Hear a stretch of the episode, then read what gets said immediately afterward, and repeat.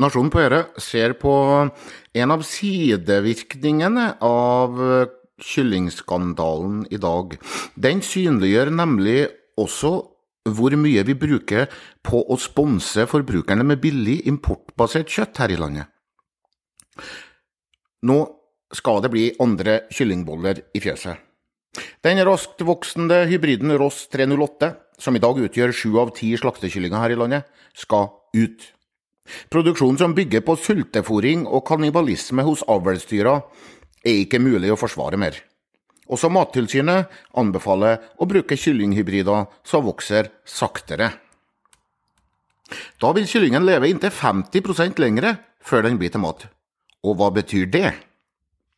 Ola Nafstad, fagdirektør i bransjeorganisasjonen Animalia, sier det er grunnleggende biologi at økt levealder vil føre til økt fôrforbruk per kilo tilvekst.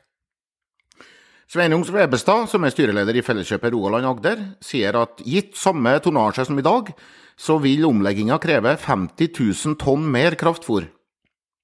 Siden kyllingfôret er 60% importert, så vil jo det her svekke selvforsyninga av mat. Produksjonskostnadene i kyllingfjøsene vil øke med mellom 250 og 300 millioner kroner. Det ligger en hund begravd her. Den heter kraftfôr. I dag bruker vi rundt to milliarder årlig på å gjøre kraftfôr billigere gjennom det såkalte prisnedskrivingstilskuddet. Jo mer kraftfôr dyra spiser, jo større effekt har det på kjøttprisen når kraftfôret blir dyrere. Og svin og kylling spiser bare kraftfôr. Politikk virker. Siden 1990 så har kylling og svin tatt store markedsandeler i kjøttmarkedet, på bekostning av storfe og lam. Storfekjøttprodusentene i Tyr vil kutte i kraftfôrsubsidiene. Norsk Bonde- og Småbrukarlag vil kutte.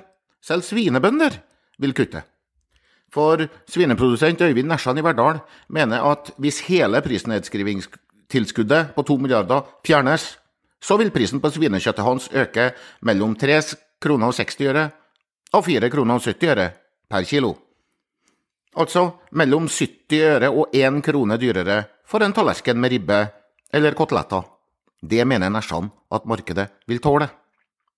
Geir Jørgensen, Rødts landbrukspolitiske talsperson, vil kutte 900 millioner subsidiekroner på prisnedskrivinga og flytte pengene over til melkebruk i distriktene, grasproduksjon og utmarksbeite. Kylling- og svinebønder må belage seg på å ta ut mer av fòrkostnadene sine i markedet, sier Geir Jørgensen.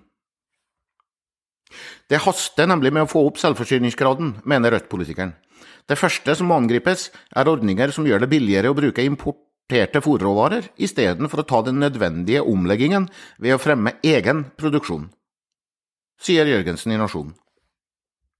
Landbruksdebattant og småbruker Sven Arne Lie sier det slik. Dyrere kraftfôr vil øke etterspørselen etter beitebaserte kjøttprodukter, fordi de blir relativt sett billigere enn de kraftfôrbaserte kjøttproduktene. Det finnes innvendinger, for er ikke melkebøndene, som altså produserer storparten av storfekjøttet, også avhengig av kraftfôr? De har verken økende etterspørsel i markedet eller like god driftsøkonomi til å tåle økte kraftfôrkostnader. Og i dårlige grasår så er drøvtyggerbøndene avhengig av å kompensere redusert grasavling med kraftfôr.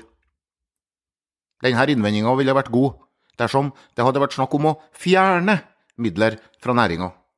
Men det vil ingen. Kraftfòrmidler skal omfordeles til grasbruk. Bondelaget og landbrukspolitikerne i Arbeiderpartiet og Senterpartiet har i mange år forsvart kraftfòrsubsidiene, annet ved å hevde at korndyrking og grasbruk kan økes på andre måter enn å gjøre kraftfòret dyrere. Problemet er at de her metodene ikke har virka. Bondelagsleder Bjørn Gimming sier her i avisa det er ikke sånn at vi har billig kraftfôr i Norge. Men det interessante er ikke hva prisen kalles, men hva prisen fører til. Og den har ført til økt bruk av kraftfôr på bekostning av gras.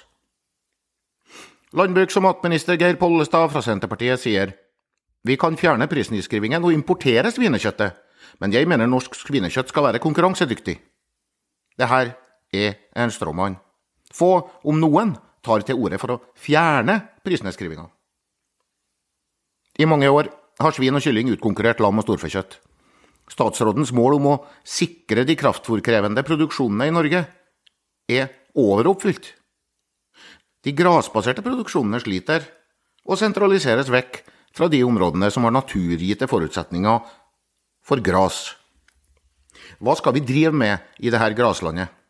Hva om vi måtte velge enten kraftfôrede innedyr eller beitende storfe og sau? Jeg tror ikke at statsråden, eller noen andre, da ville ha lagt ned ku- og sauefjesene. Men det er i den retninga de politiske vedtakene fører oss over tid.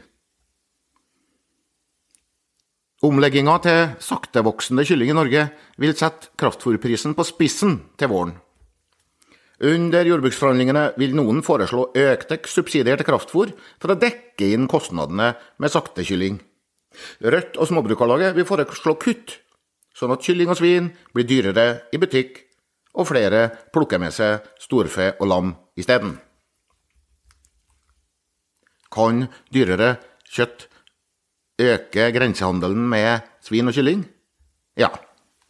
Men er det noen som tror at det vil være gratis å styrke det norskeste jordbruket, det som bruker gress? Tenk litt på det. Ha en god grasbasert middag, og takk for oppmerksomheten.